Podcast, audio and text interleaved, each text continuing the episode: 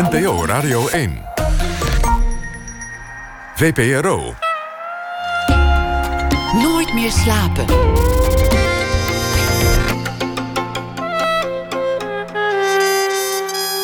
Met Pieter van der Wielen. Goedenacht, u luistert naar Nooit meer slapen. Zometeen uh, aandacht voor de opgezette dieren van Van Zinken en van Tongeren. Het uh, kunstenaarsduo is zeer succesvol in Engeland en er is een tentoonstelling. Erik-Jan Harmens die draagt een verhaal voor bij de afgelopen dag... en dat doet hij vannacht vanaf het boekenbal. Maar eerst Hella Jongerius. Zij is uh, een van de belangrijkste ontwerpers in de wereld. Volgens het blad Wallpaper is ze zelfs de één naar belangrijkste ontwerper ter wereld. En komend weekende ontvangt ze de Sikkens en dat is een uh, grote prijs voor ontwerpers. Haar uh, werken zijn te zien in de belangrijkste musea ter wereld. Onder meer in uh, MoMA in New York. En de Sickensprijs, daarmee voegt ze zich in een lange rij. Le Corbusier bijvoorbeeld, maar ook Rietveld. En vele andere grote ontwerpers kregen die prijs ooit. Hella Jongerius, welkom. Hoe is het eigenlijk om bij Leven en Welzijn in zo'n beeldengalerij tussen al die grote namen te worden opgenomen? Uh, om eerlijk te zijn, hoor ik de namen nu weer voor het eerst die je opnoemt. Ben ik daar niet zo mee, ja, ben ik toch niet zo mee bezig. Nee, nee. ik denk uh, misschien is dat ook wel bewust om niet te druk te voelen van verwachtingen. Dus ja, ik denk dat dat het is. Dus ja, ik ben er niet zo mee bezig dat ik in die rij sta. Ik heb een mooie prijs ontvangen en het geeft mij zeg maar een, een richting. Of ik weet dat mijn richting, mijn kompas goed staat. Dat zie ik als een, uh, ja, als een compliment en ook als een bevestiging dat ik goed bezig ben. En, uh, maar verder, verder probeer je dat een beetje op afstand te houden, emotioneel. Vorig jaar werd je, werd je de één naar belangrijkste ontwerper ter wereld genoemd. Door het ja. blad uh, Wallpaper. De tweede plaats in een, in een, in een top 100. Dat valt denk ik in, in dezelfde reeks. Je niet te veel over nadenken, anders voel je, voel je een druk, is dat het? Uh, ja, ja, dan voel ik een druk. Ja, dat geeft me een heel onvrij gevoel. Ja. Wat gebeurt er als je ineens tot die hele grote uh, gerekend wordt? Wat voor, wat voor dingen komen er op je pad? Wat overkomt je nu allemaal? Uh, nou, het is ook een glijdende schaal. Het is niet zo dat zeg maar, het afgelopen jaar ineens een orkaan over me heen gevallen is. Dus het is een glijdende schaal. En uh, ja, het, uh, ja, er komen mooie vragen op je af. Het is, het is zeg maar ook ja, een enorme luxe, want je kan de parels eruit nemen van de vragen. En, en omdat ook ja, de, het team professioneel en uh, mooi is opgebouwd gedurende de, lange jaren, is het een, ja, een enorme luxe positie om nu te kunnen werken. Dat, voelt als een, ja, ook voel me daar ook dankbaar voor dat ik, uh, ja, dat ik dat, ik dat, dat ik met mijn talent dat bereikt heb. Dus dat, dat voelt als, ja, als heel prettig. De mooie opdrachten komen, dat, dat, dat is logisch. Komen er ook nu opdrachten waar je eigenlijk minder mee hebt? Dingen, dingen waarvan je zou zeggen: dit, dit gaat echt alleen maar om de glans die aan mijn naam is verbonden. En misschien niet over waar mijn werk in essentie over gaat? Ja, die komen, die komen en die zijn er al jaren. En daar zijn we, ben ik heel erg op gespitst dat ik niet als naam gebruikt word. En om ergens iets, een branding op te plakken. Dus ik ben uh, heel voorzichtig met het aannemen van uh, nieuwe klanten. Uh, omdat ik een relatie wil opbouwen en in de diepte wil kunnen gaan over een langere tijd. Dus uh, als er iemand belt of als er, dan is er een hele ja, een lange periode voordat, voordat ik echt ja zeg. Ik, ik wil, ik, ja, het moet wel echt passen. Ik denk dat je dan ook echt de diepte in kan gaan en iets kan veranderen wat nodig is in, in dat bepaalde segment van, van mijn professie. Je, je bewaakt je merk met zorg. Ja, ja, ja. Je, zo kan je het zeggen, ja. ja.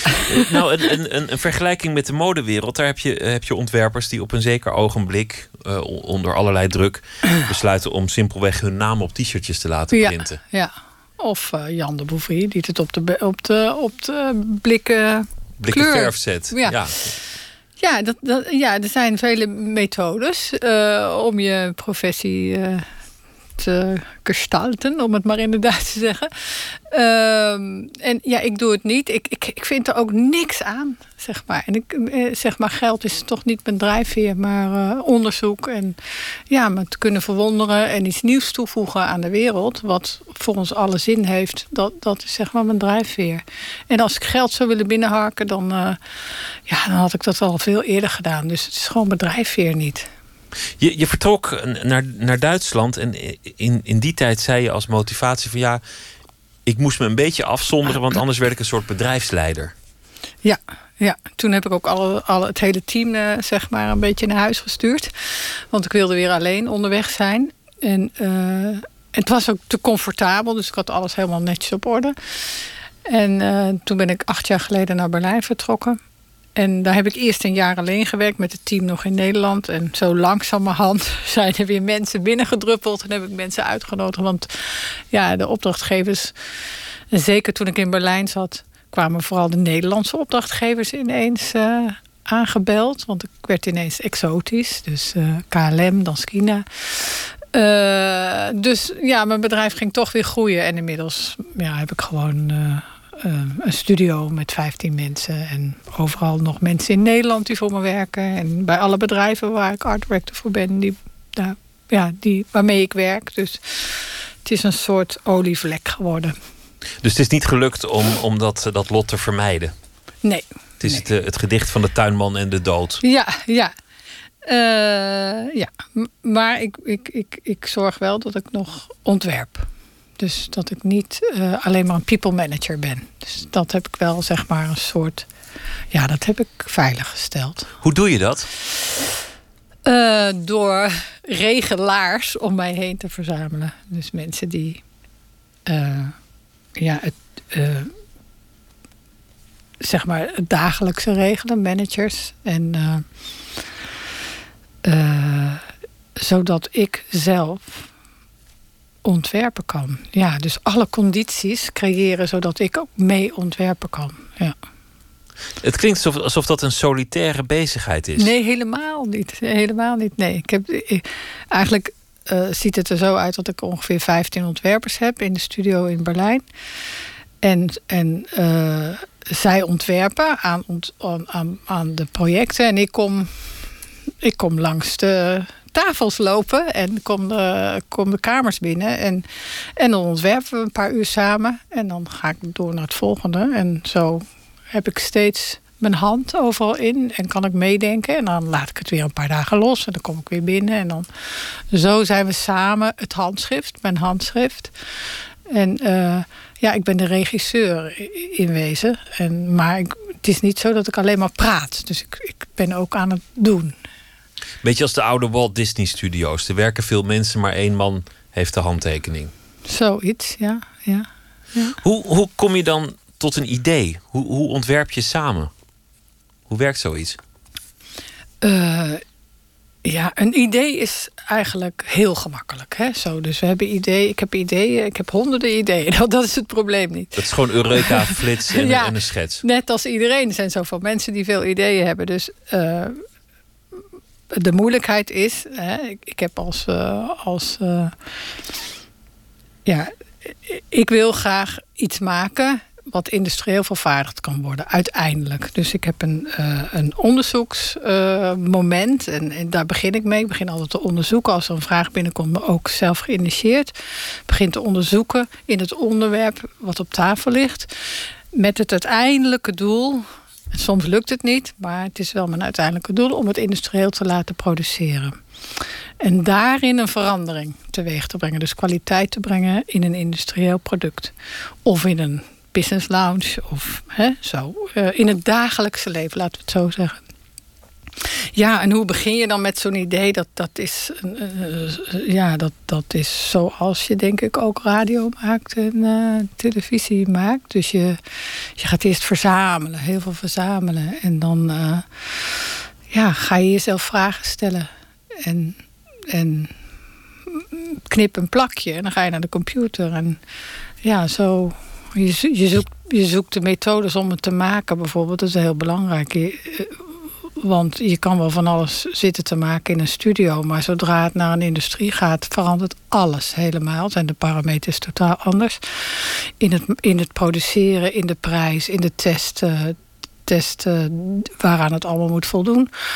Dus uh, als ik eerst zeg maar voor onszelf, als we eerst voor onszelf en voor mezelf een, een, uh, ja, een, een onderwerp te pakken hebben. Dat we weten van, nou ja, uh, dit is eigenlijk het, uh, het, deel van dit onderwerp uh, wat ik wil onderzoeken. Want daar is iets te halen, daar is een kwaliteit te halen die blijft liggen. Of daar, daar, daar, daar schuurt iets, daar, daar is zuurstof nodig dan, dan, dan gaan we dat deel uitwerken. En dan ja, soms met een klant en soms voor een museum als een installatie. Of nou ja, het krijgt een vorm.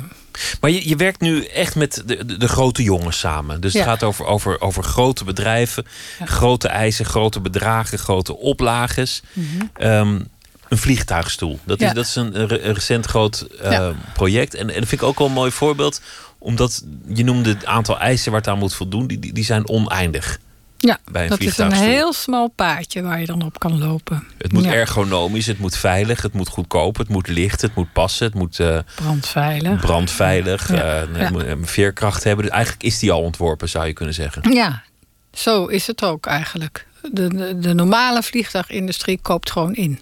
Dus die kopen gewoon stoelen van de plank.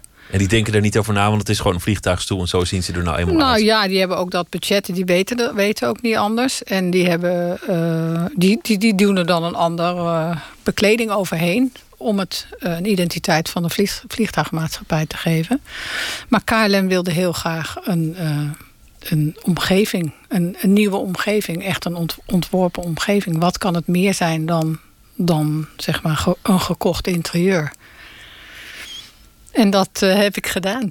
Maar dan, dan kom je op een idee. En we, we zullen het straks nog hebben ja. over wat, dat, wat dit idee is. Maar er is toch een soort uh, vonk van inspiratie. Van een goede vliegtuigstoel zou, zou er zo uit moeten zien. Het zou dit moeten, moeten uh, representeren. Maar dan vervolgens kom je op dat enorme eisenpakket. Hoe hou je dat dan vast in, in zo'n reusachtig project? Ja, uh, nou ja, het is niet zo van dat ik wakker word en denk van... oh, zo'n zo'n soort stoel moeten we maken. Zo gaat het niet. Nee. Niet, niet, niet, dat je een schets hebt en denkt, nee, nee, ik nee, heb het. Nee, nee, nee. En zeker niet de eerste stoel, want ik heb de 747 gedaan... en daarna de Dreamliner 787. Dus ik heb twee toestellen gedaan. Oh, je kent nu ook alle vliegtuigmodellen. Ja, ja, ja. ja. Uh, en oh, voor de 747 was de stoel al gekocht toen ik binnenkwam. Dus toen KLM, toen ze bij me langskwamen, vroegen ze of dat ik alleen de bekleding wilde doen en alleen de, de vloerbedekking. En zo in het traject vroeg ik op een gegeven moment, maar wie ontwerpt dan die stoel? Ja, die hebben we al gekocht. Ik zei ja, maar da daar kan ik er nog een heleboel aan doen. Uh, dus ja, geef me die stoel, want weet je, die mallen zijn nog niet allemaal gemaakt. Dus ik, ik, weet wel dat ik niet die hele stoel kan doen. Maar ik kan wel echt uh, toevoegingen doen die, die, die er nu niet aan zitten. Dus dat kreeg ik in mijn uh, mee. Ja, en toen... Dus... ja, eigenlijk kan je zeggen dat ik vanaf, vanaf de draad ben begonnen met ontwerpen. Dus wat wil je voor comfort wat wil je voor comfort? Wil je in wol zitten twaalf uur lang? Of wil je uh, in katoen uh, op je bekleding? Wat wil, je, wat wil je voor kleur om je heen? Wat zijn de materialen die je bijvoorbeeld thuis privacy geven? Uh, op die manier heel erg atmosferisch is, is beginnen van waar, waar, moet het dan voldoen? Eigenlijk denk je nou over de vraag: wat is een passagier, wat is een vliegtuig en, en wat is het eigenlijk om te vliegen? Ja, ja. En, en vooral ook uh, hoe oncomfortabel het allemaal is en hoe plastic en hoe artificieel. En daar wil je dan ja, een, een, een comfort, een hedendaags comfort aanbieden. En uh, ja, daar zijn we naar ons op zoek gegaan. En ik heb heel veel ervaring in het uh, ontwerpen van textiel, dus ook industriële textiel. Dus we zijn inderdaad uh, begonnen met weven. Dus we zijn eerst naar de vliegtuigfabrikanten hebben we gevraagd van waar weven jullie altijd? Nou ja, wij weven helemaal niet. Wij kopen stoffen in en dat is bij die en die fabrikant in Schotland. Nou, zijn we daar naartoe gegaan, hebben we gekeken wat zijn de condities, kunnen we daar zelf weven? En hebben we daar wol laten spinnen. En weet je, we zijn echt vanaf het niks en zoals ik normaal altijd werk, ook voor de vliegtuigindustrie, uh, vanuit het materiaal gaan zorgen voor een omgeving. Dus van, vanuit micro naar macro. We beginnen met de stof. Wat, wat is eigenlijk het materiaal? Dat is, dat is hoe je het benadert. Ja, ja, dat is of zoals je. Ja, ja, of de, de, de substantie. Ja, ja. Maar ben je, ben je, ook veel gaan vliegen? Uh, misschien doe je dat eigenlijk al, maar, maar om, om je voor te stellen, wat, wat ben ik eigenlijk aan het doen en welke gevoelens roept dat op? Ja, maar ik denk, we zijn toch allemaal professional travelers. Weet je, we zitten allemaal vaak in een, in een toestel. Dus kijk, het vervelende van vliegen is, is de tijd dat je er niet in zit, bijna.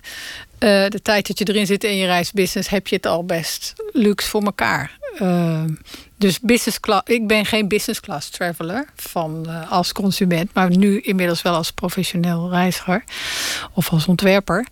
Uh, ja, ik heb natuurlijk wel vluchten gemaakt. En, uh, maar de briefing van KLM was een full flat stoel. Dus als zij dat niet gezegd hadden, had ik hem nooit kunnen maken. Dus zij wilden een bed. En, dat je zo'n kuipje dat je achterover klapt en dan kan, dan kan je liggen. Helemaal plat, hè? Ja. Dus als een bed. Dus ze hebben altijd gevlogen met recliners. Dat zijn degenen die dan drie kwart uh, rechtop gaan, uh, naar beneden gaan. En deze was dan full flat. Dus helemaal plat. Wat, wat was je gedachte? Wat, wat wilde de, de, de reiziger? Wil hij zich thuis voelen? Of wil hij wil die, wil die een zekere glamour ervaren? Of wil hij wil die zijn moeder uh, herinneren? Wat, wat wil hij? Ja, nou, ik denk comfort, hè? Je thuis voelen. Maar wat wilde KLM ook? Want het is natuurlijk gaat oh ja, niet alleen betaalt. maar. Ja, ja. ja, nee, niet alleen dat wie betaalt, maar wat past er eigenlijk bij de KLM? Want glamour zou niet passen bij de KLM. Dus uh, zeg maar het soort aardse of het soort no-nonsense wat KLM heeft en ook voorstaat, dat, uh, daar hebben we wel over nagedacht. En ze zijn bijvoorbeeld ook de meest uh, sustainable airline van de wereld. Hè, al jaren op een rij. Dan kan je zeggen van hoe sustainable is een, uh, is een vliegtuig. Maar goed, ze doen alles uh, met recycling en zijn daar heel erg precies in. Dus vandaar dat we ook voor hun dat tapijt, dat cradle-to-cradle -cradle tapijt hebben gemaakt. Waarbij we de vliegtuigjasjes van de stewardessen opnieuw hebben gesponnen. Dus de oude jasjes die ze niet meer gebruikten. Die hebben we gesponnen tot garens. En die hebben we verwerkt in de vloerbedekking in, het, uh, in de cabine. Cradle to cradle wil zeggen dat alles een nieuwe bestemming heeft, dat je niks uiteindelijk weg hoeft te gooien. Ja. Dat alles opnieuw ja, ja. Uh, gebruikt kan ja. worden. Ja, dus dat, wel, dat, ja, dat kan je waarschijnlijk niet voor alle airlines doen. Niet iedereen vindt dat interessant. En, uh, en het, is ook, zijn best moeilijke producten. En al, eigenlijk de dingen die ik gedaan heb, bijvoorbeeld vijf verschillende stoffen heb ik gemaakt voor in het vliegtuig. Zodat niet iedereen in hetzelfde stoel zit en dat er niet één kleuroppervlak is. Dus ik heb vijf verschillende kleuren bekleding van de stoelen gemaakt. Uh, waardoor er ook een soort ja, uh, patchwork of een gevoel van uh, dat het niet zo één worst is, hè, één brei. Dat, dat, daardoor lijkt het vliegtuig bijvoorbeeld ook breder. Er zijn, er zijn meerdere redenen om dat te doen. Bovendien krijg je als passagier dan het gevoel van... nou, dit is mijn stoel en niet jouw stoel. Zo, meerdere redenen. Dat was bijvoorbeeld heel moeilijk om er door te krijgen. Dat is heel, dat, en ook zo'n tapijt. Nou ja, dan moet je van goede huizen komen en een heel erg. Ja. Want dan bot je met en al die eisen over veiligheid, Ja. gewicht uh, um, en, en, productiekosten, et cetera. En natuurlijk ook met, met de schaal. Want het is uiteindelijk wel een, een, een enorm project dat er heel veel van die vliegtuigen moeten komen. Nou, dat, dat, de schaal valt wel mee. Het zijn 22 vliegtuigen. Dus dat valt wel mee. Maar het is meer, zeg maar, in logistiek moet het heel erg kloppen. Dus als er bijvoorbeeld een, uh, iemand een kopje koffie over het tapijt of over één stoel gooit, dan moet er op, als je dan vijf verschillende bekledingstoffen hebt, dan moet er op elk airport in plaats van één reserveonderdeel liggen, moeten er vijf liggen. Want ja, nou, en dat, dat soort problemen zijn eigenlijk uh, veel groter dan dat het nou zo'n enorme aantallen is die we doen. Dus daar, daar liepen we wel tegenaan. Heel veel logistieke problemen over wassen. Uh, het was nog het, het, allermoeilijkste project als het kussentje maken. Want uh, het kussentje moet elke dag gewassen worden. Dus die, die hoes, die, die, die, ja, die, die, die alles wat je ermee doet, als je weeft, als je borduurt, als je drukt, alles wordt, is eigenlijk na een week ziet het er niet meer uit, want het moet onder hele hoge temperaturen. Dus om dan te zoeken naar iets wat nog een beetje zuurstof, nou, nog een beetje kwaliteit en, en uh, ja, aantrekkelijkheid heeft, dat was eigenlijk de, de moeilijkste, wat, moeilijkste wat opgave. Ik, wat ik hoor in wat jij vertelt, is, is, is, is, dat je eigenlijk een, een afkeer hebt van wat de essentie is van wat je aan het doen bent, namelijk een industrieel product ontwerpen. Je wil unieke producten, elke stoel anders. Niet, niet iedereen op dezelfde stoel zit.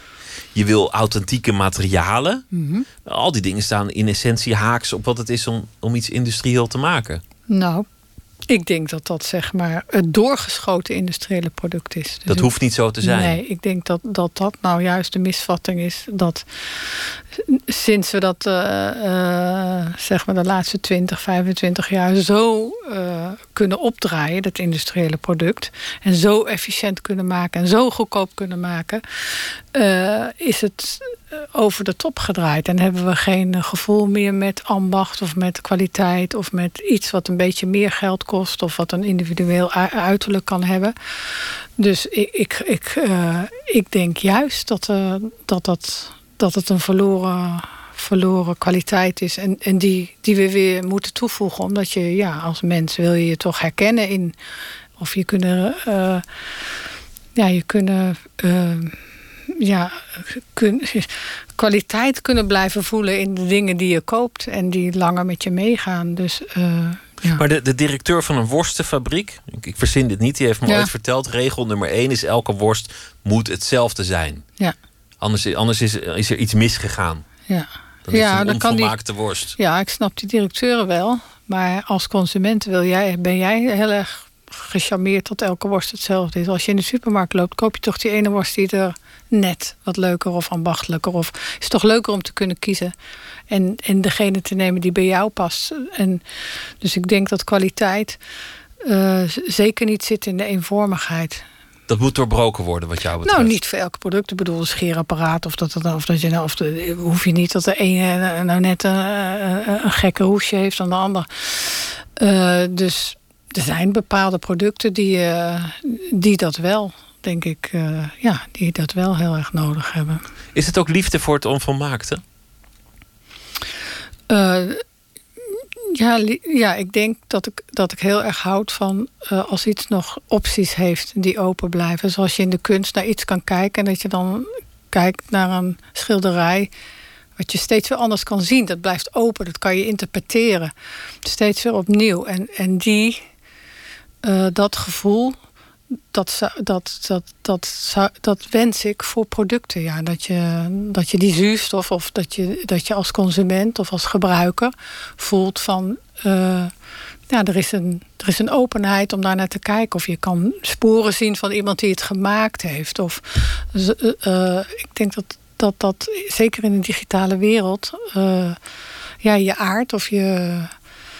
Ja, ja, ik denk dat het belangrijk is voor het wel, welbevinden. Dus voor kwaliteit, ja. Maar een vegetariër moet maar niet uh, baas van de worstenfabriek worden. En misschien moet iemand die heel erg van het ambachtelijke houdt... ook, ook in eerste instantie maar niet naar de industriële sector gaan. Ja, dat kan je zeggen. Uh, maar ik, ik geloof, ik, ik heb ook wel de ervaring inmiddels... dat dat wat ik ontwerp en dat wat ik maak voor de industrie... Uh, heel goed verkocht wordt. Dus ik heb een grotere stem dan de stem als een consument. Uh, ik denk dat er heel veel mensen naar op zoek zijn. Dus wat dat betreft uh, denk, ik dat ik, de, denk ik dat ik voor een, een, markt, een bedien die er is. Dus het is niet me, myself en I. En de ambacht, in de ambachtelijke wereld, ja, ik geloof niet in dat we in de ambachtelijke wereld het, het utopia hebben. Dus ik vind dat ook nostalgisch als je dat niet verbindt aan uh, hedendaagse uh, productiemethoden, maar ook, uh, ook het mengen van high-tech of het mengen van bepaalde efficiëntie maakt dat een product ook bijvoorbeeld te betalen is. En, uh, en levert ook een, een vernieuwing op van het ambacht. Dus uh, het, het, het, alleen maar nostalgisch kijken naar een ambacht. Uh, ja, Het gaat ook niet gebeuren. We gaan niet al die producten die we nodig hebben, die we gebruiken, nee. ambachtelijk krijgen. Nee. Nee. Over, over British Airways eh, Ja. gaat een bekend verhaal dat er bezuinigd moest worden. Een, een, een, ook weer niet heel hoog bedrag, maar, maar toch een substantieel bedrag. En toen kwamen ze erachter dat als ze in, in elk, op elke vlucht een schepje koffie minder in het filter deden, dat ze dat bedrag bij elkaar hadden in een jaar. Ja. De- Dat is, de, dat is de, de wet van de Excel-sheetjes. ja, Als het maar grootschalig genoeg is.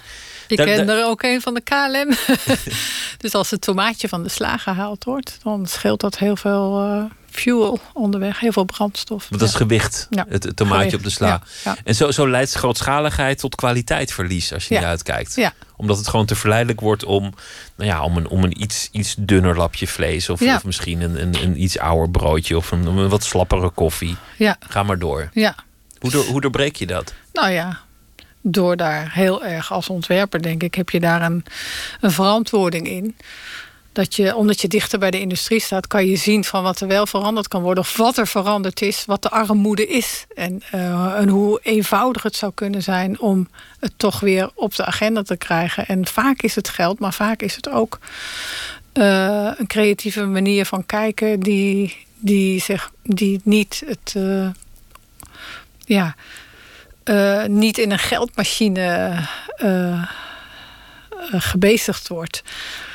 Maar die merken vragen jou omdat ze uiteindelijk gewoon meer geld willen verdienen. Ja.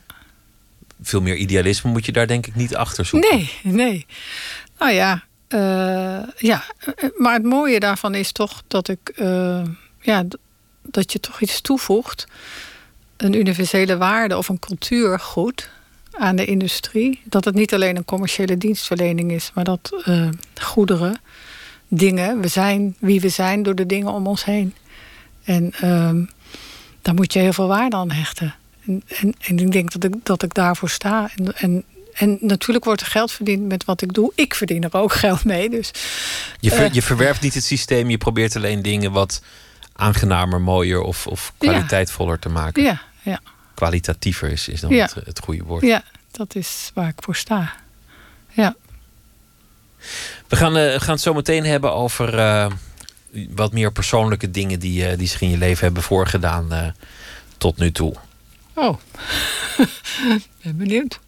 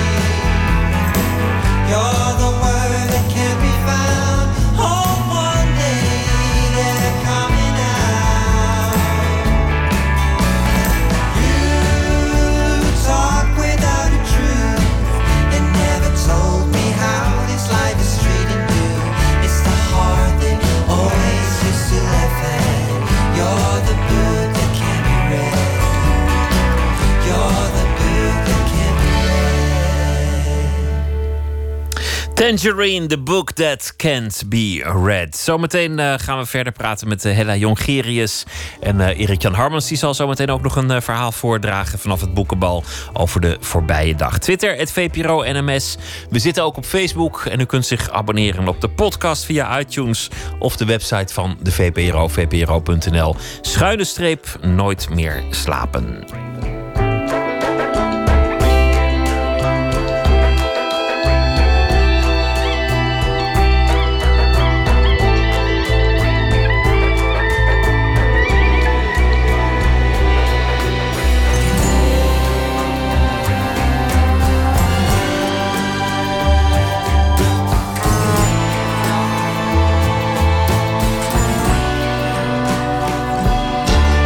Radio 1. Het nieuws van alle kanten.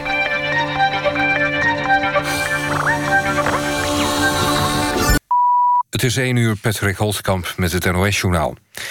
De politie heeft de man gearresteerd in verband met de vondst van twee doden... in een oud hotelpand in Arnhem afgelopen donderdag. Het is een 47-jarige man zonder vaste woon- of verblijfplaats. Agenten vonden de dode man en vrouw nadat ze waren afgekomen... op een alarm dat afging in het pand. De dode man was de eigenaar van het hotel. Hoe hij en de vrouw om het leven zijn gekomen... wil de politie in verband met het onderzoek nog niet zeggen. De verdachte meldde zichzelf op het politiebureau en wordt verhoord. De nieuwe zorgwet van de Amerikaanse president Trump is van de baan. De Republikeinen trokken de wet afgelopen avond in... kort voordat hij in het Huis van Afgevaardigden in stemming zou komen. Het stond al vast dat de wet te weinig steun zou krijgen van de Republikeinen. Trump geeft de schuld aan de Democraten. Hij verwacht dat die met voorstellen komen voor hervorming van de zorg. De politie heeft een inval gedaan in een clubhuis van motorclub Satudara in Tilburg... in verband met witwaspraktijken. Bij de inval waren tientallen agenten betrokken, meldt Omroep Brabant. Over arrestaties of inbeslagnames is nog niets bekend. De politie was het clubhuis van Satudara in Tilburg al vaker binnengevallen. De Britse politie heeft afgelopen avond zes mensen vrijgelaten... die waren opgepakt na de aanslag in Londen. Ze gelden niet langer als verdachten. Van de elf arrestanten zitten er nu nog vier vast. Afgelopen dag publiceerde de politie een foto van de pleger van de aanslag. Gehoopt wordt op informatie over zijn motief en over mogelijke handlangers. De grote brand in de loods in Genemuiden is onder controle. Het vuur woedde midden tussen de huizen in een loods met boten en riet... Vijftien huizen vlak in de buurt werden ontruimd. De bewoners moeten vannacht ergens anders slapen. De brandweer van Genemuiden denkt dat het nablussen tot in de nacht gaat duren. Het weer. Aan zee daalt de temperatuur naar 2 of 3 graden. In het binnenland is er plaatselijk vorst. Overdag zon en stapelwolken, het blijft droog... en het wordt 12 tot 15 graden met een frisse noordoostenwind. Dit was het NOS Journaal. NPO Radio 1. VPRO. Nooit meer slapen.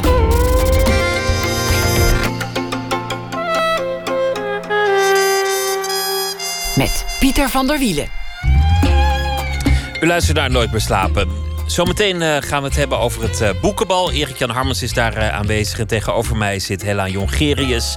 Komende zondag krijgt zij de prijs, de Sikkens Prize voor haar uh, ontwerpen en voor het baanbrekend kleurgebruik daarin. In navolging van grote namen als uh, Rietveld, Le Corbusier en Donald Judd. Hella Jongerius. Laten we, laten we teruggaan naar het uh, begin. Want, want jou, jouw vader was tuinder. Je bent opgegroeid in De Meern. Ja. Wat, wat weet je nog van jeugd? Welke herinneringen springen naar boven als je daaraan denkt?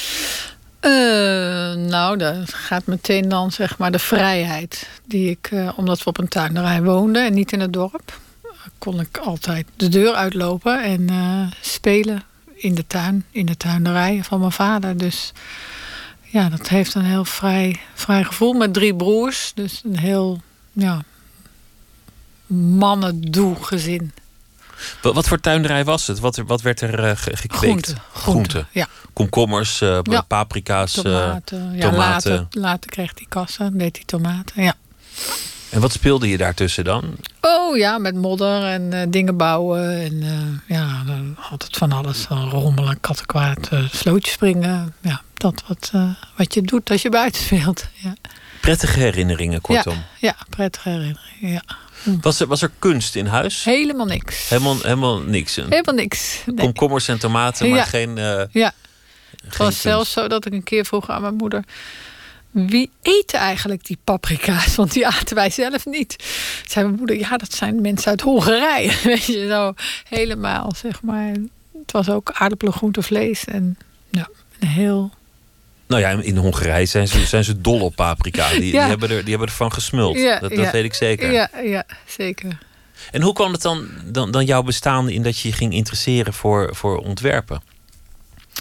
Nou, ik, ik ben eh, als, als tiener wel, eh, eh, net als iedereen in de 70 jaren, altijd aan het handwerken gegaan. Samen met vriendinnen op de bank. Een beetje macrameën en breien en borduren. Dus op een gegeven moment heb ik dat, ben ik gaan, eh, ergotherapie gaan studeren. Wat is dat? Eh, dat je mensen door creatieve therapie bepaalde spieren weer laat gebruiken. En eh, toen ik dat afgesloten had, wist ik van, nou, ik ben niet het zorgzame type. Ik moet echt iets gaan doen met creativiteit. En heb ik nog. Dat was ook de periode waarin iedereen fijn werkeloos was om me heen. En heb ik, eh, dat, ja, dan heb ik heel erg genoten van een aantal jaren eh, vrijwilligerswerk doen. En in een klussencollectief gezeten. En eh, Een klussencollectief, dat, Ja. dat is als iemand een, een, een kapo- kapotte kast heeft of iets doet het niet en dan, dan bel je het collectief. ja, ja, met alleen maar vrouwen. Dus we werkten alleen maar voor vrouwen. En er was een vrouwenklussencollectief. Dus je was handig. Dus ik was handig, ja. En, eh, en op een gegeven moment dacht ik, nu wil ik toch de studie gaan doen. En, en kwam ik bij industriële vormgeving uit. Want kunst vond ik dan te vrij. Ik wilde wel heel graag eh, tussen grenzen, eh, in grenzen, tussen grenzen de creativiteit ja, benutten, zeg maar. Maar je, je wilde je creativiteit benutten. Wa- Wat, wat was het dat jou ertoe aanzette om te denken dat jij creatief was? Daar moet je ook maar achterkomen. Ja, maar dat. Ja, nee, ik denk dat dat een soort. Nee, dat was wel duidelijk dat dat mijn talent was. Ja, ja. Dat, dat, bleek gewoon uit alles, dat je, dat je Ja, ik vond handig het. was. Ja, ik was handig. En eh, al het handwerk vond ik altijd leuk. En was ik goed in. En kon het ook zonder boekjes. En ik was gewoon. Ik heb gewoon slimme handen. Wanneer kwam je erachter dat je er ook echt goed in was? In het ontwerpen? Nou, op de school, op de industriële vormgeving in Eindhoven, was ik helemaal niet goed. Want eigenlijk, daar werd ik geconfronteerd met het culturele deel. Dus ik bedoel, ik wist niks van schilderij of van eh, of de kunstgeschiedenis. Of eh, waar het vak überhaupt, wat, wat daar de geschiedenis van was. Ehm, dus daar heb ik wel een inhaalsessie moeten doen. In mijn culturele gat die ik in me meedroeg. Dus ik was ook niet zo heel goed. Ik kon het nergens aan verbinden, zeg maar, de handigheid. Wat, wat houdt het in om, om, om niet goed te zijn? Is het dan dat- je, dat je elke keer een vijf en een half afgerond naar een zes hebt? Of, of is het gewoon dat mensen ja, je, je niet echt zien staan? Dat, dat die docenten ook niet echt opveren wanneer je binnenkomt? Nou, jawel. Jawel, maar ik was middelmatig. Dus ik, ik, ik was niet, echt niet onvoldoende. Geen hoogvlieger nog? Geen hoogvlieger, nee. Nee. Ik was wel een van de oudste. Dat hielp heel erg. Ehm, ja, toch een bepaalde levenswijsheid. Iets meer dan beginnende student van 18. Dus ik was 25 toen ik begon. Eh, dat heeft mij denk ik ook wel geholpen om te kunnen aanhaken bij de cultuur die op de school heerste. En ja, dus ja, ik heb het gehaald. Maar je, je, je eigen echtgenoot heeft, heeft gezegd dat, dat, je, dat, dat je eigenlijk in, in alles ook een, de houding van een matig leerling had. Van, dat je er eigenlijk vanaf wilde, papiertje halen, dat, dat eindontwerp indonderen. Dat, dat, die, dat, dat heilig vuur er ook nog niet was. Nee, dat was er niet. Nee, nee. Nee. Wanneer is dat gekomen? Ja. Ik denk wel dat ik, dat ik de ambitie. Ik denk wel dat ik altijd wel ambitieus ben geweest. Ehm, ja, wanneer is het heilig vuur gekomen? Ik denk eh, een van de hele belangrijke opmerkingen die hij gemaakt heeft in eh, zeg maar drie maanden voor mijn afstuderen was: ja, ik herken jou helemaal niet in het werk. Kan je niet je ziel verbinden of kan je niet zeg maar je opvattingen die je hebt over het leven, je politieke, sociale opvattingen, waarom verbind je die niet met je, met je ontwerpvraagstuk? En dat was de trigger die me, ja, die, die heeft geleid tot dat het werk beter werd en dat het ja, dat het zin had en dat het uh, gelaagder werd en interessant. Je, je maakt het persoonlijk. Het, je, Ja. je, je, je, je vond je handtekening, je legde jezelf daarin. Ja, ik viel samen met, met mijn waardes of zo. Ja, Maar het is nog best een abstracte opdracht. Leg jezelf en je eigen waarden Ja, in je ontwerp. ja dat is. Dat, dat moet ook maar lukken. Daar, daar moet je ook maar de sleutel toe vinden. Ja, dan moet je sleutel. Ja, nou, en, ja dat, dat, dat klopt. Ja. Ja. Hoe, hoe deed je dat? Hoe, hoe, heb, hoe doe je dat nu? Ja, nu, eh, nu heb ik natuurlijk een hele berg van, van ervaring en ook een archief waar- waaruit ik kan putten. Ehm, dus nu is het veel gemakkelijker. Nu zijn er ook woorden voor en nu zijn er eh, genres die ik al aangeraakt heb, waar ik op kan stapelen. Dus nu is het gemakkelijk. En in het begin was het eh, vooral heel intuïtief. En op een gegeven moment kwamen de woorden. En, en heb ik ook mensen erbij gezocht, zoals Louise Schouwenberg, die met mij eh, ja, ook zoekt naar waar kunnen we het eh, theoretisch bij aanhaken en ook verdiepen, het, gedachtegoed. Ehm, ja, ik, ik denk dat dat. Ja, ik denk dat vooral in het begin de intuïtie was. En ik denk dat dat ook een van mijn krachtigste dingen is. En als ik dan. eh, Intuïtie is een wapen voor jou. ja, is, is, een kracht, ja. En ik denk als ik dan terugdenk, als je de vraag die je net stelde over welk gezin kom je uit, ik denk dat ik daar, omdat er zoveel vrijheid was, omdat ik niet dus met mijn moeder op de bank hoefde te zitten of met vriendjes in een, eh, af te spreken in een straat of zo, weet je, dat je gewoon een, een heel vrij speelveld hebt, kan je je eigen intuïtie heel gemakkelijk, of dat vond ik heel gemakkelijk, eh, ontwikkelen. Omdat er niet steeds iemand bij is die zegt... eh Hella, je moet dit doen. Hella, het werkt zo. Hella, zo moet je doen. Je, je kunt het zelf Ja, dus er is niet, ja, er is niet zeg maar op een bepaald uur eh, gaat de sportclub open of eh, het was gewoon, de, de- je kwam thuis van school en, en je verdween in de wereld met je eigen klok en je eigen intuïtie en je eigen ja, opvatting over wat je, hoe je die, hoe, ik bedoel, gewoon verdwijnen in de tijd. En, en daarin, ja, een, een, een, dus een hele ja, bijzondere waarheid of, ja, of een, biologische waarheid of klok of intuïtie ontwikkelen. Ik denk dat dat daar wel geboren is, ja. Vrijheid is ook. ehm, ik, ik zat nog te denken aan die vliegtuigstoel. Hè? Ja. Dat, dat, wat, wat, wat is een passagier en wat zoekt hij? Volgens mij zoek je vrijheid terwijl je op dat moment juist letterlijk gegordeld bent. Ja, maar je, je bent ook vrij, want je, je kan de telefoon niet opnemen. eh, je kan niet precies doen wat je wil, zoals je thuis. En dan, eh, vaak ga je dan toch verwikkeld in, eh, in, ehm, in, de, in de dingen die je dan moet doen. Of, eh, hè. Dus je, je bent wel vrij, want, want, je, want je er wordt. verplaatst je. Je, Je verplaatst hangt je. in de lucht. Je bent nergens. Je kan niks doen. Dus je gedachten. Ja, je, hebt free space. Je, ja, ik vind het eh, toch wel een heel.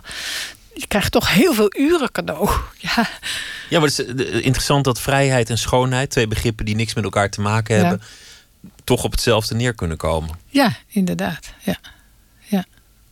We hadden het over eh, een, een aantal dingen in jouw ontwerpen, namelijk eh, weg met de eenvormigheid. Elk artikel mag wel zijn eigen karakter hebben. De, de schoonheid van het onvolmaakte eh, noemde ik het. Jij zei van de, de, je pakt toch de worst die net anders is, want dan is het jouw worst. Of, of jouw stoel, of, of, of wat je ook aan het, aan het ontwerpen bent.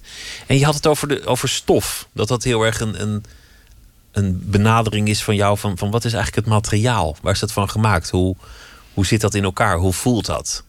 Dat, dat zijn volgens mij al, al twee belangrijke aspecten van, van, van jouw ontwerpen. Je maakte in het begin een, een bank die uit verschillende delen bestond. Ja. Verschillende stoffen. Ja. Dat werd echt een klassieker in, in, in de ontwerpgeschiedenis. Ja, dat is toch heel fijn als zoiets gebeurt. Ehm, ja, de vraag was: ik, ik was gevraagd door de meubelfabrikant Vitra. Ik was ik uitgenodigd. eh, Met, en de directeur vroeg mij: met een lijstje van eh, dingen die van die dacht dat ik die moest gaan maken. En op nummer 1 stond een bank. En ik dacht, een bank? Wat moet je nou met een bank?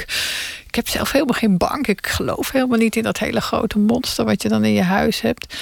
Dus daar ben ik over na gaan denken. Hoe kan je daar dan hoe kan je daar vanaf komen? Wat, wat zijn daar de wat zijn daar de moeilijkheden Want in? een- een bank is een suf object, want je, want je ploft erop neer. Dan word je een soort couch potato. En dan, heb je die afstandsbediening. En dan heb je dan nog veel geld aan uitgegeven ook. Ja, nou ja, niet alleen dat, maar sculpturaal is er ook niks te halen. Dus het is gewoon een blok foam. Zeg maar een lange, een lange, lange lineaal, een zachte lange lineaal. Dus eh, ja, daar, daar wilde ik, ja, daar wilde ik proberen doorheen te breken. En een van de dingen die me eh, geholpen hebben, is ook het feit te denken als consument. Ja, als je dan eenmaal die bank hebt, je weet wat je wil, je hebt je geld gespaard, je gaat naar de winkel, je bestelt de bank en dan zegt die man of die vrouw, ja, welke stof wil je erop hebben? En dan, ja, dan sta je daar en dan, ja, als je niks van stof weet, je weet een beetje wat voor kleren je aan hebt, je weet of dat je die dag linnen aan wil of katoen, hè, als, het, als al een beetje mee zit. Maar voor een bank, wat moet je erop, wat moet je erop doen en wat heb je in godsnaam voor ding, wat voor kleuren in het tapijt zit of wat voor kleur had die andere stoel in je huis? Daar heb je helemaal geen herinnering aan. Dus eh, ik dacht, nou, ik ga zeg, een, een, eh, ik, ik ga de consument helpen door verschillende stoffen op die ene bank eh, gebruiken. En eh, allemaal in dezelfde kleur. Dus zes, zes kleuren groen, zes kleuren rood, zes kleuren zwart en, en zo verder. En ook in verschillende stof, stoffen. Dus in katoen, in wol, in blends. Eh, en dat maakte dat ik, omdat ik verschillende stof had, kon ik ook, kon ik ook verschillende vormen van elementen maken. Eh, en dat werd een asymmetrische bank, waarin, ja, waarin, waarin ook het sculpturale terugkwam. Dat het niet uit één worst eh, stuk foam was, maar een, ja, een bank die wat meer zuurstof in zich droeg. Het was nog niet de, de coat of many colors van, van, van Dolly Parton. Maar, maar wel een, een, een bank die wat, wat levendiger werd. Doordat Ja. er verschillende materialen langs elkaar werden gebruikt. Ja, ja, ja. En, en, en, zo, en ja, toen ik hem voor het eerst presenteerde bij de producent en ook in Milaan, nou zag je, de, zag je toch wel de helft van de mensen. Mijn god, wat is dit dan? Hè? Dan is toch een soort. eh, in het begin was het toch wel een eh, love or hate piece. En op een gegeven moment, ja, was het toch wel dat heel veel mensen dat een interessant ding vonden. En is het een, ja, inmiddels zo'n klassieker, klassieker, klassieker dat, eh, al, dat ik alweer een, eh, een nieuwe versie, of zeg maar dat ik hem heb, een, een update heb moeten maken voor de fabrikant. Omdat ze denken dat hij gewoon wel voor langere tijd in de collectie zal blijven. Ik vind, ik vind het ook fantastisch, ehm, met, met, met, een, met een zekere humor bijna, dat een bank in een museum eindigt. Ja, Dat je dan van de bank komt om naar het museum te gaan om daar naar een, een, een bank, bank, te, kijken. Ja, en dan mag je dan niet eens op zitten. Nee, Nee. je mag niet eens aanraken. Nee, is maar wat, hè. Ja, dat is ook heel moeilijk om eh, design te laten zien in een museum. Vind ik altijd heel moeizaam. Nou ja, het is, het is je meerdere keren gelukt. Je, Ja, je behoort tot de vaste collecties van beroemde musea. Ja. De grote overzichtstentoonstellingen gehad. ja, ja, ja. Bij eentje was er iemand onwel geworden en die had 40 vazen weten te vernielen per ongeluk. Ja, dat was toch een- een, heel schitterend ongeluk. Dat is, dat is gewoon knap. Ja, Als je, als je bolen, eh, bolen zou bedrijven, zou het, zou het een strike zijn. ja, ja. Nee, ja. Ja, het was een heel mooi beeld. Jij vond het toen, ieder, iedere andere eh, kunstenaar zou huilen als zijn werk kapot gaat in een museum. En, en, je had een grijns op je gezicht. Ja, het is namelijk iets. We, we, we hadden het daar heel veel over gehad. Van mogen die vazen op de grond, moeten ze niet op een podium. En dan staan er 300 vazen. En dan, dan voel je zeg maar de spanning van: oh mijn god, als er één omvalt, vallen er een heleboel om. En dat het dan ook echt gebeurt, ja, dat is toch. Ja, dat is, dat is dan toch ook de aantrekkingskracht of de, van een product of van een object. Dat is toch heel prachtig dat je, die, dat, je dat de mens en het ding zo samen ziet komen.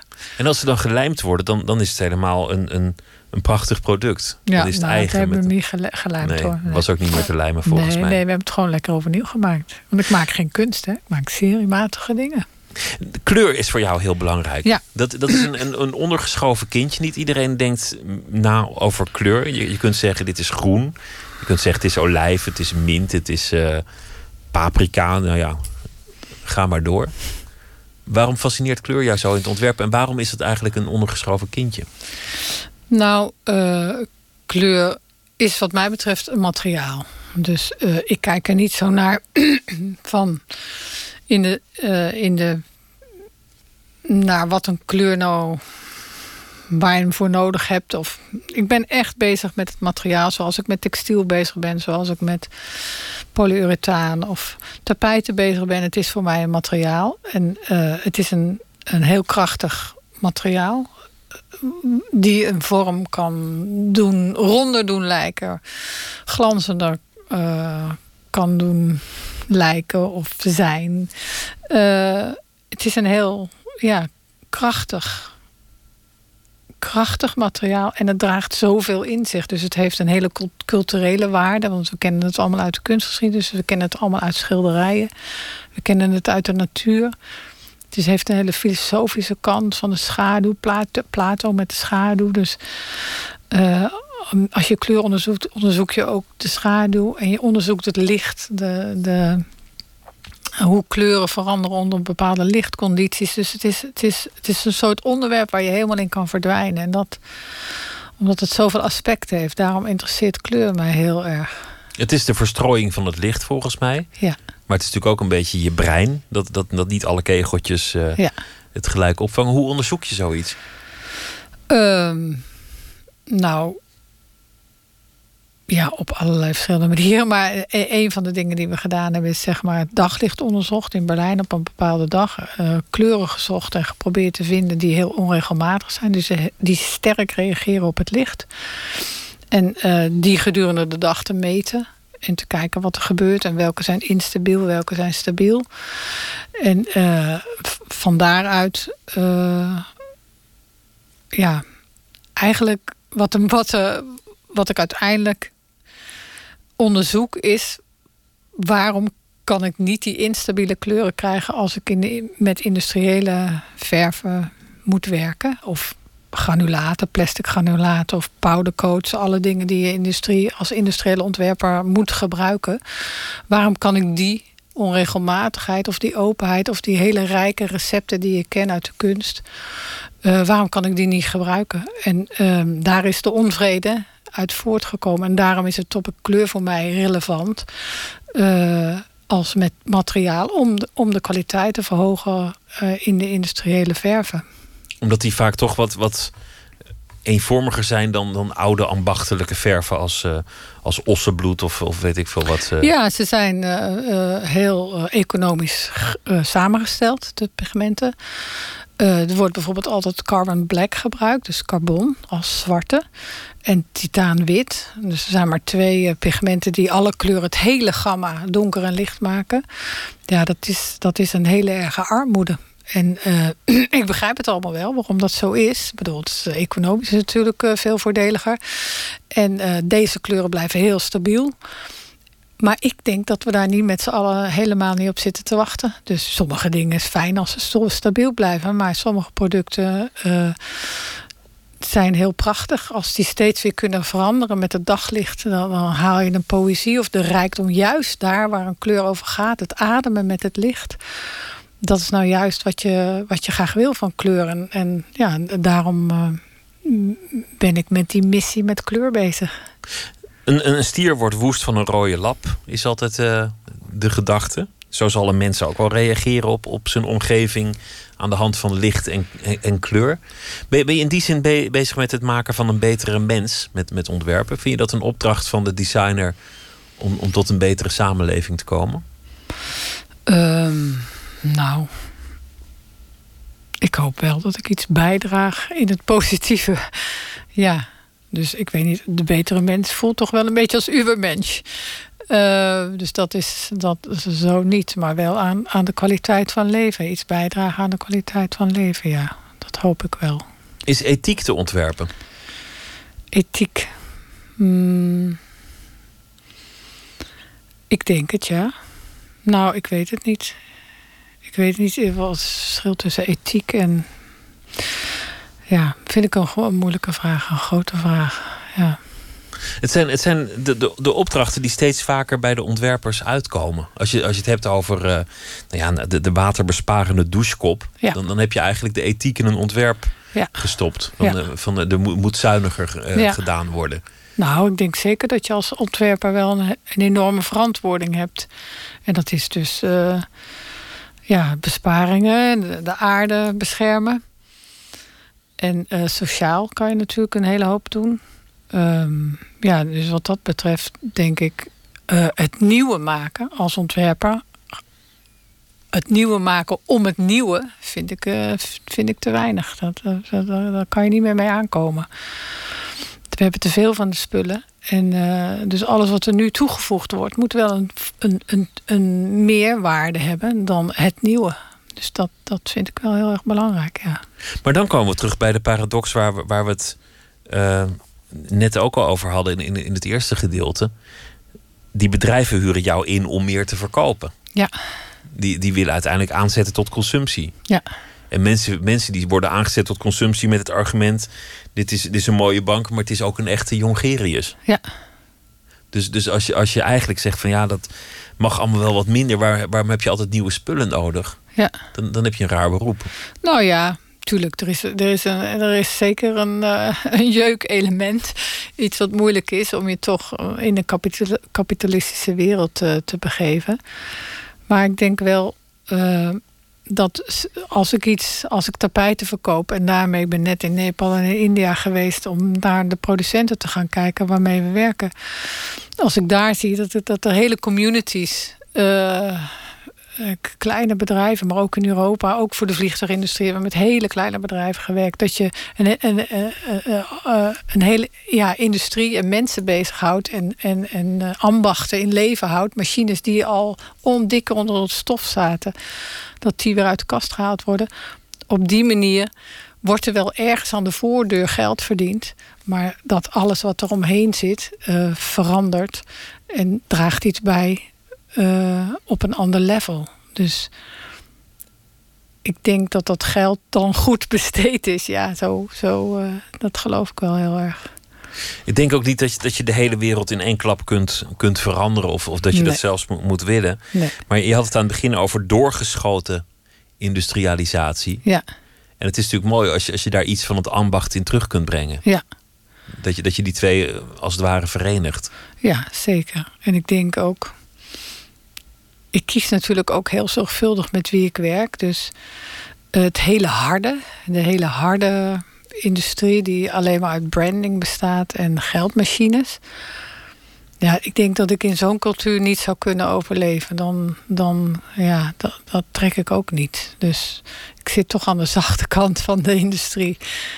Je wil ook een relatie, zei je, met, met degene met wie je samenwerkt, met de, met de producenten.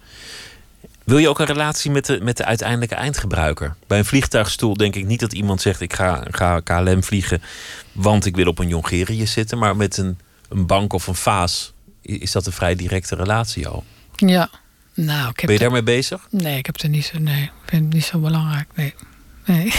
nee. Het gaat jou om het maken, het ontwerpen, de uitdagingen, het, het onderzoek. Ja, als het eenmaal af is, ja, god, eh, ik hoop dat die mensen het fijn vinden om te gebruiken. Maar eh, ja, het onderzoek, eh, eh, de weg daar naartoe, is voor mij het interessante deel. Ja, En schoonheid en vrijheid, dat zijn eigenlijk de dingen waar je leven over ging. ja is dat zo? Ja, misschien wel, ja. ja, ja. Nou, je zei, vrijheid vond je het mooiste aan je Ja, jeugd. ja. En, en schoonheid was uiteindelijk wat je nastreefde in je werk. ja. kwaliteit, schoonheid, ja. Ja, Ga je nog iets zeggen eh, zondag bij de, bij de uitreiking Ja. van de ik prijs? ga nog wel iets zeggen, ja. We- Weet je al wat? Ongeveer? Nou, het zit nu half in de laptop. Dus eh, ik heb nu nog twee dagen om erover na te denken. Eh, ik ga wel een pleidooi doen voor mooie kleuren. Ja, voor de kleuren die ik mis in de industrie. Een pleidooi voor de, voor, de, voor de mooie kleuren. Ik wens je heel veel succes zondag en ook heel veel plezier. En, en ik wens je nog heel veel mooie ontwerpen en veel schoonheid en vrijheid. Hela Jongerius, dank je wel. Dankjewel.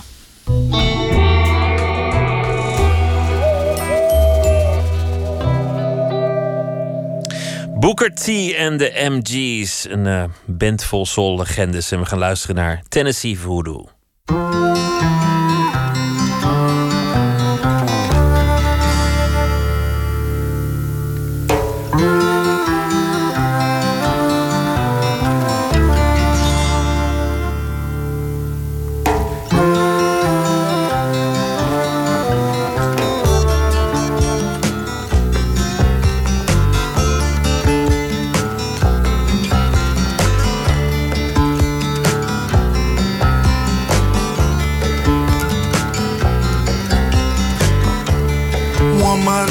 Dancing by the candle.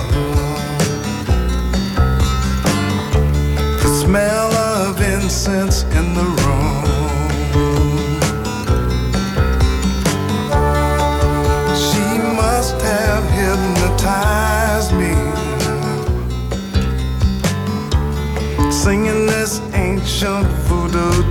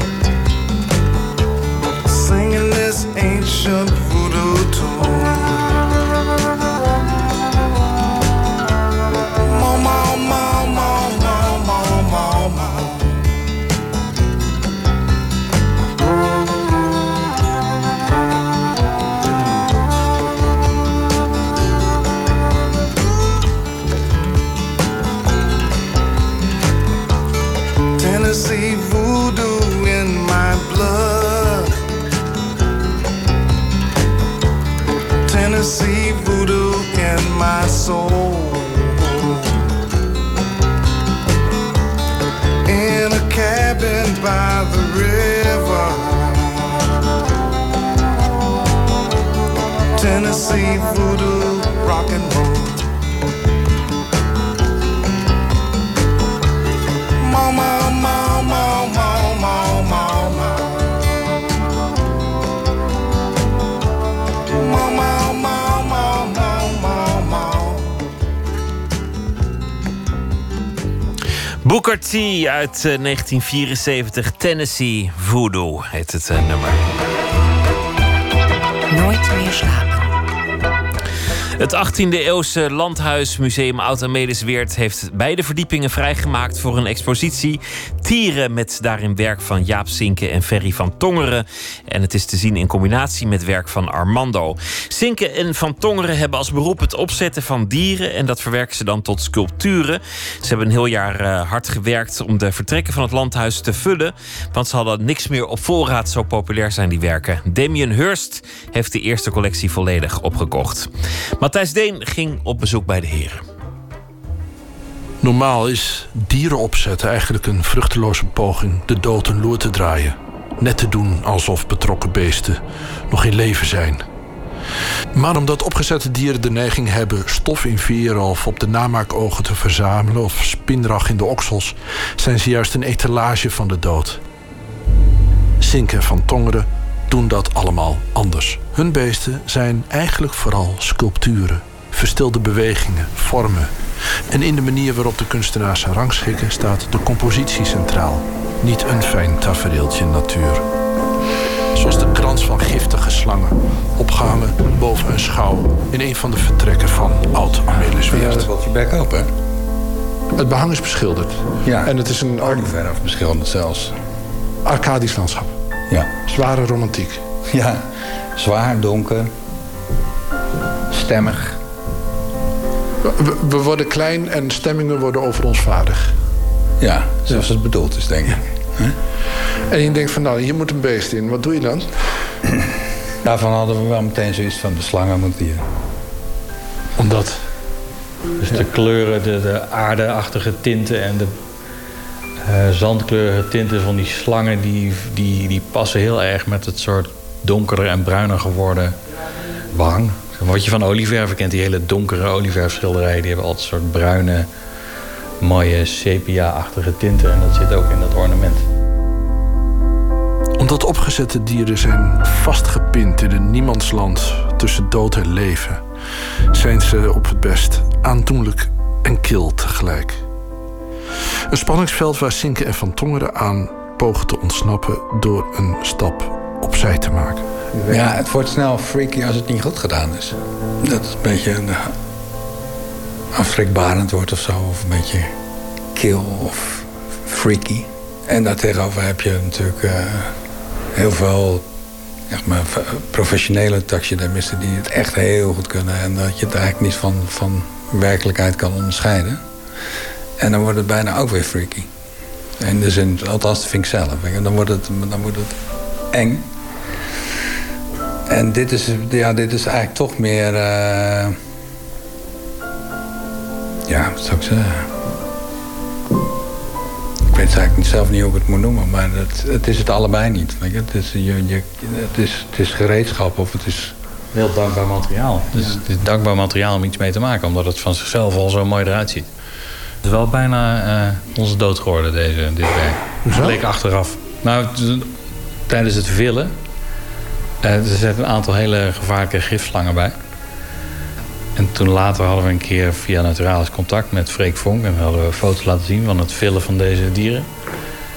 Waarom we geen handschoenen aan hadden. Vroeg hij zich af. Want die zwarte mamba die hangt, dat gif van die, van die slang is ook als die dood is nog net zo gevaarlijk als dat hij leeft.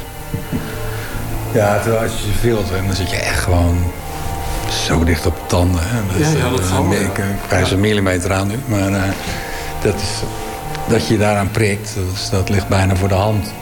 Maar je denkt, ja, hij is dood. Dat, dat, dat gevaar is geweken. Zullen we doorgaan? Ja.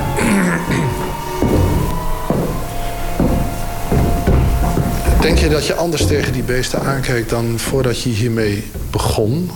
Nou, het wordt steeds fascinerender hoe ze er van binnen uitzien. En voorheen had je dat niet. Dus als je nu thuis uh, de kat aait, dan denk je wel van... oh, zit het? Nou snap ik precies waar die pezen van zijn achterpoten... aan zijn borstkast zitten, bij wijze van spreken. Jouw kat kan misschien ook ooit worden opgezet. ja. ja of maar... zou je dat niet kunnen met je eigen kat? Nee, dat denk ik niet. Waarom niet? Nou, omdat huisdieren uh, nogal een vies klusje is. Oh, dat is het. nee, die hebben nooit bewogen, dus die, die, hebben niet zoveel spieren. Dat is een beetje...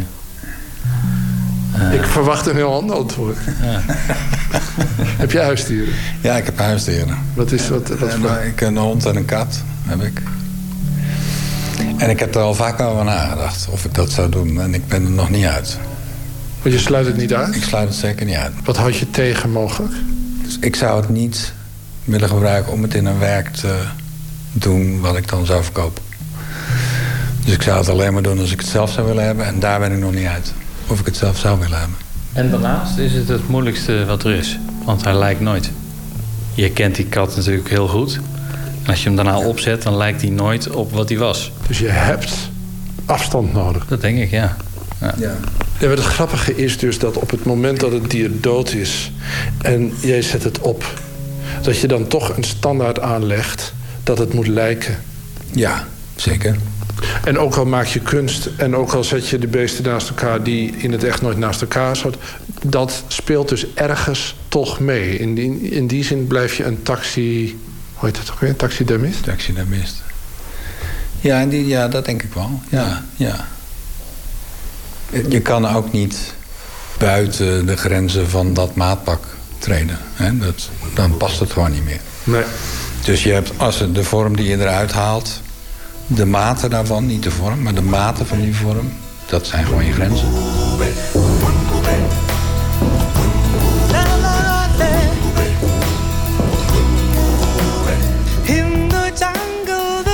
Een Siberische tijger die een eh, vogel gevangen heeft die uit de kooi komt. Uit een vogelkooi. En verderop in de kamer staat eh, nog een jaarvogel. eh, die ontsnapt is. Het is geen illustratie van een verhaal waar we mee in ons hoofd zitten. Ja, het is meer de liefde voor schoonheid toch, dat als je met zo'n ding bezig bent en, en die spieren zitten, dat je, dat je, dat je dan zo'n gevoel krijgt van, nou, ik moet dat doen, want dan komt, komt het daar mooi uit. Dan krijgt het daar een mooie vorm. En dan, het is, de vorm is meer de Ja. wens dan het verhaal. Overkomt het je wel dat je je aan zo'n beest gaat hechten? Ja, soms heb je dat wel eens, ja. ja ik heb bijvoorbeeld bij deze. Met, waarom? De jaarvogel. Ja, weet ik niet. Dat, dat, de tinten, de, de vorm, de, die kleur groen. Weet je. Dat vind ik gewoon heel mooi. Ja, dat, dat zit op de grens dat je het wil houden. Ja. Maar tegelijkertijd besef je, je kan niet alles houden. Weet je, dus, dus... Zeker niet die hele grote dingen. Daar kan je natuurlijk helemaal niet te veel van houden. Ja. Ja, toen Damien Hirst die 32 werken kocht, dan hadden we in het begin eh, vonden ze het eigenlijk helemaal niet leuk. Ik dacht, hij mag er misschien wel zes hebben, maar om ze nou alles meteen. eh, En hoe heeft, jullie, hoe heeft hij jullie overtuigd? Of was het toch de, de bankbijschrift? We onszelf moeten overtuigen. Dat was het, eh, Omdat je gewoon steeds denkt, ja, daar kan je geen nee tegen zeggen. Maar dat was wel onze eerste reactie. Onze eerste reactie was, dat doen we niet. Waarvan de galerist eh, natuurlijk zei, we zijn jullie helemaal gek geworden. Maar goed, dan ga je erover nadenken. En uiteindelijk concludeer je keer, ja, maar ja je kan toch geen nee zeggen. Je het eh, Eerste collectie, Damien Hirst. Dus uiteindelijk hebben we ja gezegd, maar het was wel met gemengde gevoelens. Wat vond je het ergst om weg te... Nou, misschien wel die slangen. Oké. Ja, ik denk het wel. En dan boven in het landhuis zijn er opeens de foto's. Van de losgeprepareerde huiden van de dieren... die in een groot bad met zeep en gevloeistof zweven. Die lege hulzen, dieren ontdaan van hun lijf en spieren. Gods eigen jassen, vormeloos drijvend in een bad van zeep. En dit is eigenlijk dit is de slang die beneden... eh, Dit is... Oh, dat is toch zo'n... Ja, hij ligt net zoals een soort molensteenkraag ligt hij opgevouwen in een cirkel. Nou, dus hij is aan de onderkant is hij, hij is plat, aan de onderkant is hij eh, opengesneden. Dus het is eh, eigenlijk een plat eh, sliert. Maar hier ga je grens over, want hier is zeg maar de inhoud eruit. Je hebt alleen de huls, maar die huls die kan poses aannemen die niet natuurlijk meer zijn. Ja, dat wordt abstracter. Ja. Ja. Maar je, je herkent het als beest. Ja. ja, dat komt natuurlijk ook door de, door de structuur en de, en de textuur. En die schubben. En, nou ja, je herkent de patronen ook wel van de slang. De kop is nog redelijk intact. Ja. Dus je hebt wel je eikpunten. Op een gegeven moment vul je hem en dan heb je het beest weer terug. Is dat een apart moment? Op het moment dat je hem weer over, over zo'n mal trekt en, en je hebt het beest weer terug? Nee, maar zo, zo werkt het gewoon. Hoe, hoe werkt het dan? Het is, nou ja, kijk, als je die mal klaar hebt en je trekt hem eroverheen, dan, dan geven we er geen cent voor. Dan ziet het er niet uit. Nee, het is echt één grote klerenzooi. Dus daar ben je gewoon heel lang mee bezig om alles op zijn plek te krijgen. En dan langzaam ontstaat het. En dan, weet je, er is altijd, er is altijd, altijd wel een moment dat je denkt, wauw, weet je, dan komt deze die weer. Maar zijn er ook momenten dat je denkt, oh my god. Ja, ja. En die zijn- al, die, al die momenten ervoor. Ja, normaal gesproken is als die dieren in bad, of, eh, en dan in het bijzonder bij vogels, maar zo'n vogel in bad ligt en je haalt hem eruit, dan is het echt eh, een hoopje ellende. Want het is heel dunne huid met natte veren.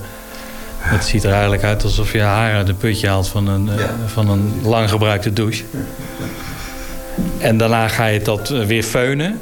En zodra al die donsveertjes weer volume krijgen en die veren worden droog, dan zie je eigenlijk alweer een beetje een vogel ontstaan. Dus je moet een groot vertrouwen hebben. Je moet weten. zeker. Zeker. Ja, je moet weten dat het goed komt. Ja. Want je ziet het niet.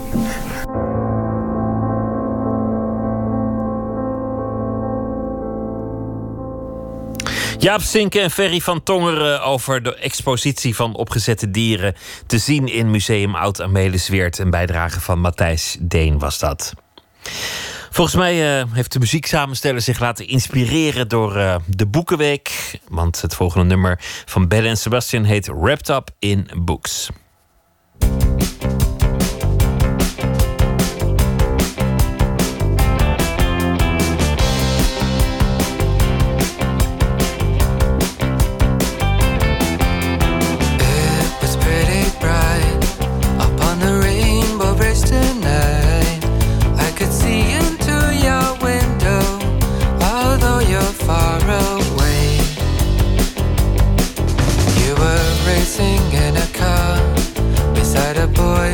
Just don't know if he is a fool.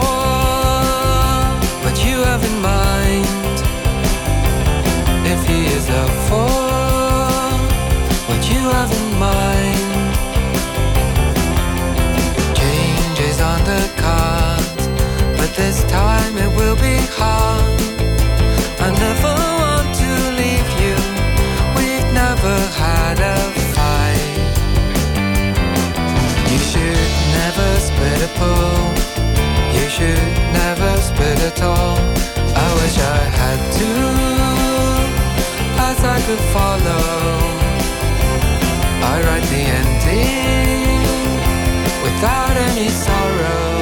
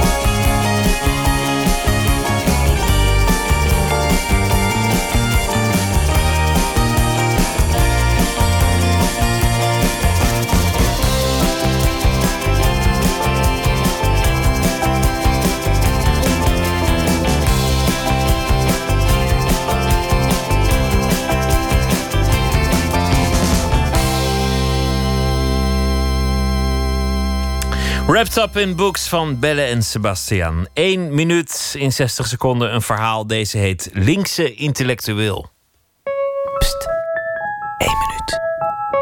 Soms dan, zie je iemand en dan denk je... Nou, dat is geen, eh, geen barkeeper of geen eh, voetballer. Of, dit is echt eh, een kunstenaar of, of een componist. Het was een, een, een mooie mannenkop, een oude man. En, en men bekijkt altijd ook de hersenen. Met een sikkelzaagje, zo'n klein black en dekkertje. De hersenen worden nooit teruggestopt. Maar je moet voor de familie natuurlijk wel een toonbaar lichaam tonen. Er lag daar een hele stapel eh, kranten. En het werd zo tot proppen. En zijn schedel werd opgevuld met krant. Maar van alle kranten, de Telegraaf. Deze man, ongetwijfeld een linkse intellectueel. Ik was diep geschokt. Nee, ik heb er niks van gezegd, nee. Maar dat zou ze niet eens begrepen hebben. Je zit in een hele afhankelijke positie, je bent co-assistent. En, eh, het is, was toen nog zo'n re- rechtsreactionair gedoe. Ja, je kunt daar niet... eh, hè? Ik heb er nog een hekel aan, hoor, aan die krant. Maar fijn. Eén minuut gemaakt door Maartje Duin.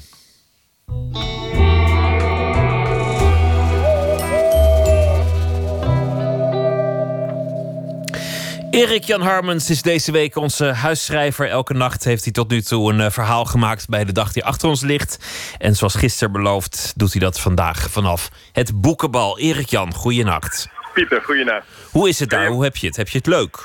Nou, ik sta nu op de rustigste plek qua geluid op het boekenbal. Dus ik hoop dat je me ook kunt verstaan. Ja, luid en duidelijk. Luid en duidelijk. Oh, heel goed. Ja, het is, het is in Paradiso dit jaar eh, in plaats van in het Concertgebouw. Of in de Stad Flauwers, sorry. Dus dat betekent eh, dat het lichtelijk chaos is en dat het eh, eh, druk is een understatement. dus ik kwam net de schrijver Henk van Straten tegen en die zei misschien moeten we even gaan matten. Ook wel een leuk voorstel op zich.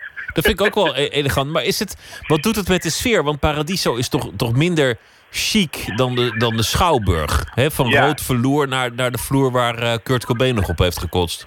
Ja, dus ik had, precies. Ik had zelf in ieder geval Dr. Martins aan mijn voeten gedaan als een soort signaal. Ja, en, en Ja. er staat er al een laagje bier ook op de, op de Daar vloer. staat heel veel bier. eh, Ja, ja, ja. Nee, het, is, het is eigenlijk best een hele vieze bende. Maar het is eh, eh, wel heel vermakelijk. Alleen in de stad Schouwburg wist je al nooit waar het leuk was. En nu kun je eigenlijk niet echt verplaatsen. Dus je, moet, je blijft gewoon staan en dan... eh dat doe je het dan mee. En ik sta nu tussen allemaal security mensen. Wat ook wel een voordeel is dat er veel security is. Want ik had het net met Saskia Noord erover. eh, van als, als hier nu een soort bom ontploft, wat, wat God verhoede, maar dan heb je wel een soort enorme hiaat opeens in de literatuur. Snap je? Ja, maar dan zijn de auteurs die er niet zijn, dat zijn meteen bestseller-auteurs. Die zijn, die zijn in één klap van de concurrentie af. Ja. Laten we daar geen Ja, ja. grap over maken. Nee, laten we eh, dat vooral niet doen. Laten we dat niet doen. Nee. Ik ben benieuwd naar je verhaal bij de afgelopen dag. Want het was je eigen idee om dat op deze manier voor te dragen. Dus ga je gang. Ja, het gaat gewoon over het boekenbal. Daar komt hij. Ik was een keer zo dronken op het boekenbal... dat ik minutenlang bovenaan de trap in de stad Schouwburg... vervaarlijk van achteren naar voren stond te wiebelen. Iemand vertelde me later dat ik voortdurend het liedje Mana Mana... uit de Muppet Show neuriede. Dat kan kloppen, die melodie komt regelmatig bij me boven... en als dat gebeurt, moet ik meeneurien.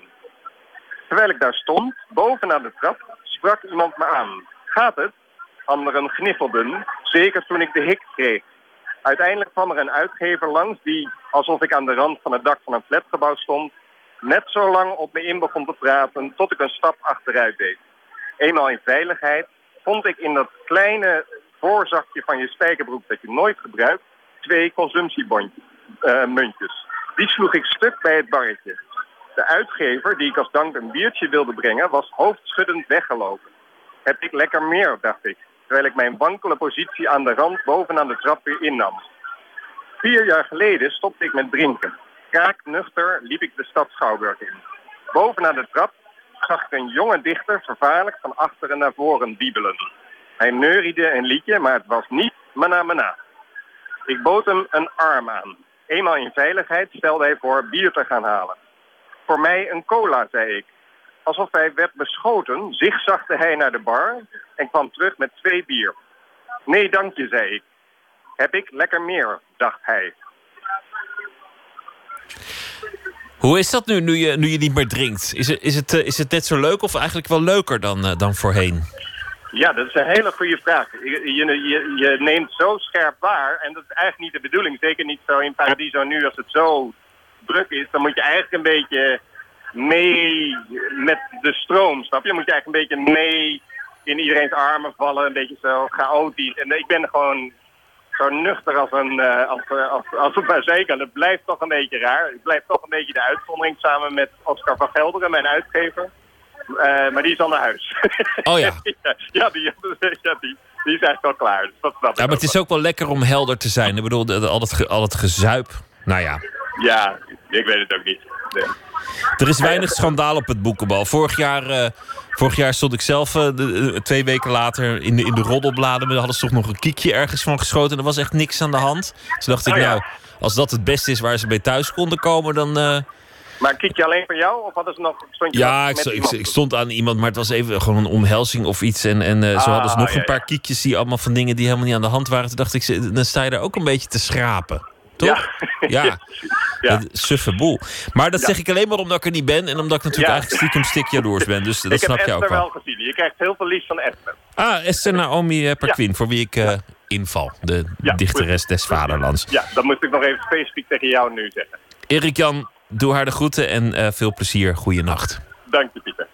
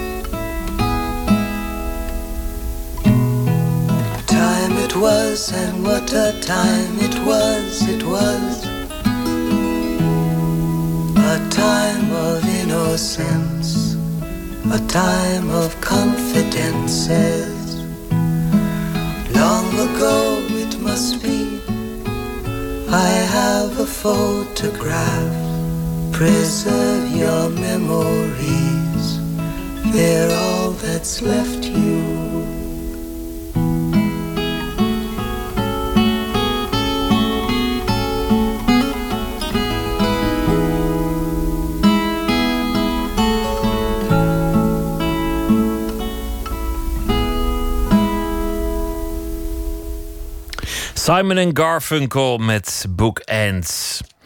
We eindigen met poëzie van eh, K. Schippers deze week. Elke nacht een gedicht. En deze heet Wat je maar kort hoeft te onthouden.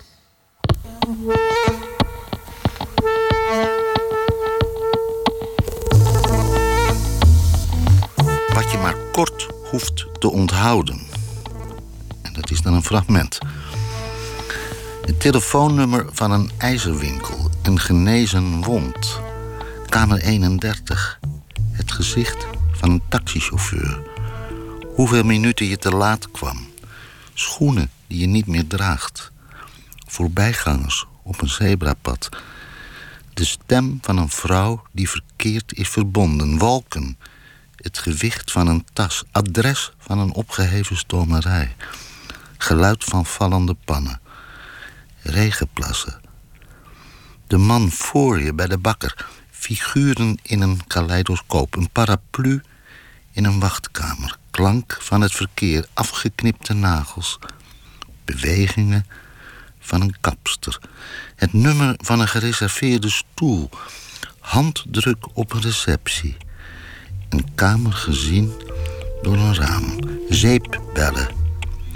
Een vrouw die je de weg vraagt in je eigen buurt. Dit is wat ook in de titel wordt gezegd, wat dan maar heel kort is, een soort tijdelijke kennis die eh, een genezen wond hoef je niet te onthouden. Of kamer 31 in een hotel, je bent er geweest, maar dat nummer glipt door de vingers van je geest. Het doet ook denken aan de aanloop tot iets. De aanloop van, bijvoorbeeld, je ziet een, een, een dat had ik laatst, een winkel met LP's en je wil naar binnen gaan en je, het komt er niet van. Dus een aanloop tot iets wat gebeurt of de tijdelijke kennis. Ik denk dat daar, daar zit het leven eigenlijk vol mee en je hoofd ook. Ik zal het nog een keer lezen. Wat je maar kort hoeft te onthouden. Een fragment. Telefoonnummer van een ijzerwinkel. Een genezen wond.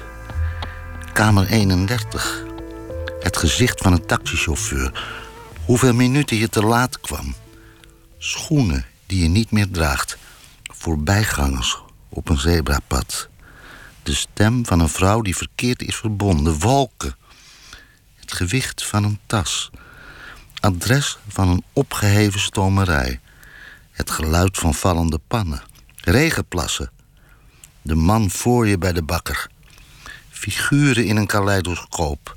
Een paraplu in een wachtkamer. Klank van het verkeer. Afgeknipte nagels. Bewegingen van een kapster.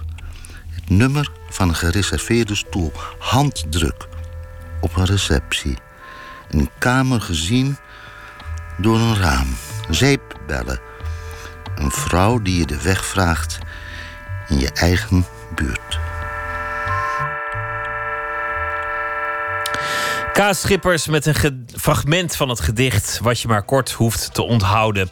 Dit was Nooit meer slapen voor deze nacht. Eh, maandag dan zijn we er weer. En zometeen op NPO Radio 1 kunt u luisteren naar Joop Radio.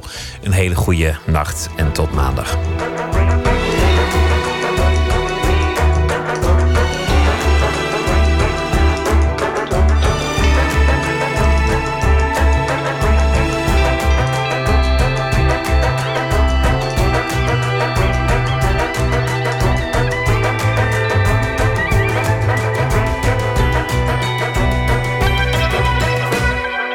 Radio 1, het nieuws van alle kanten.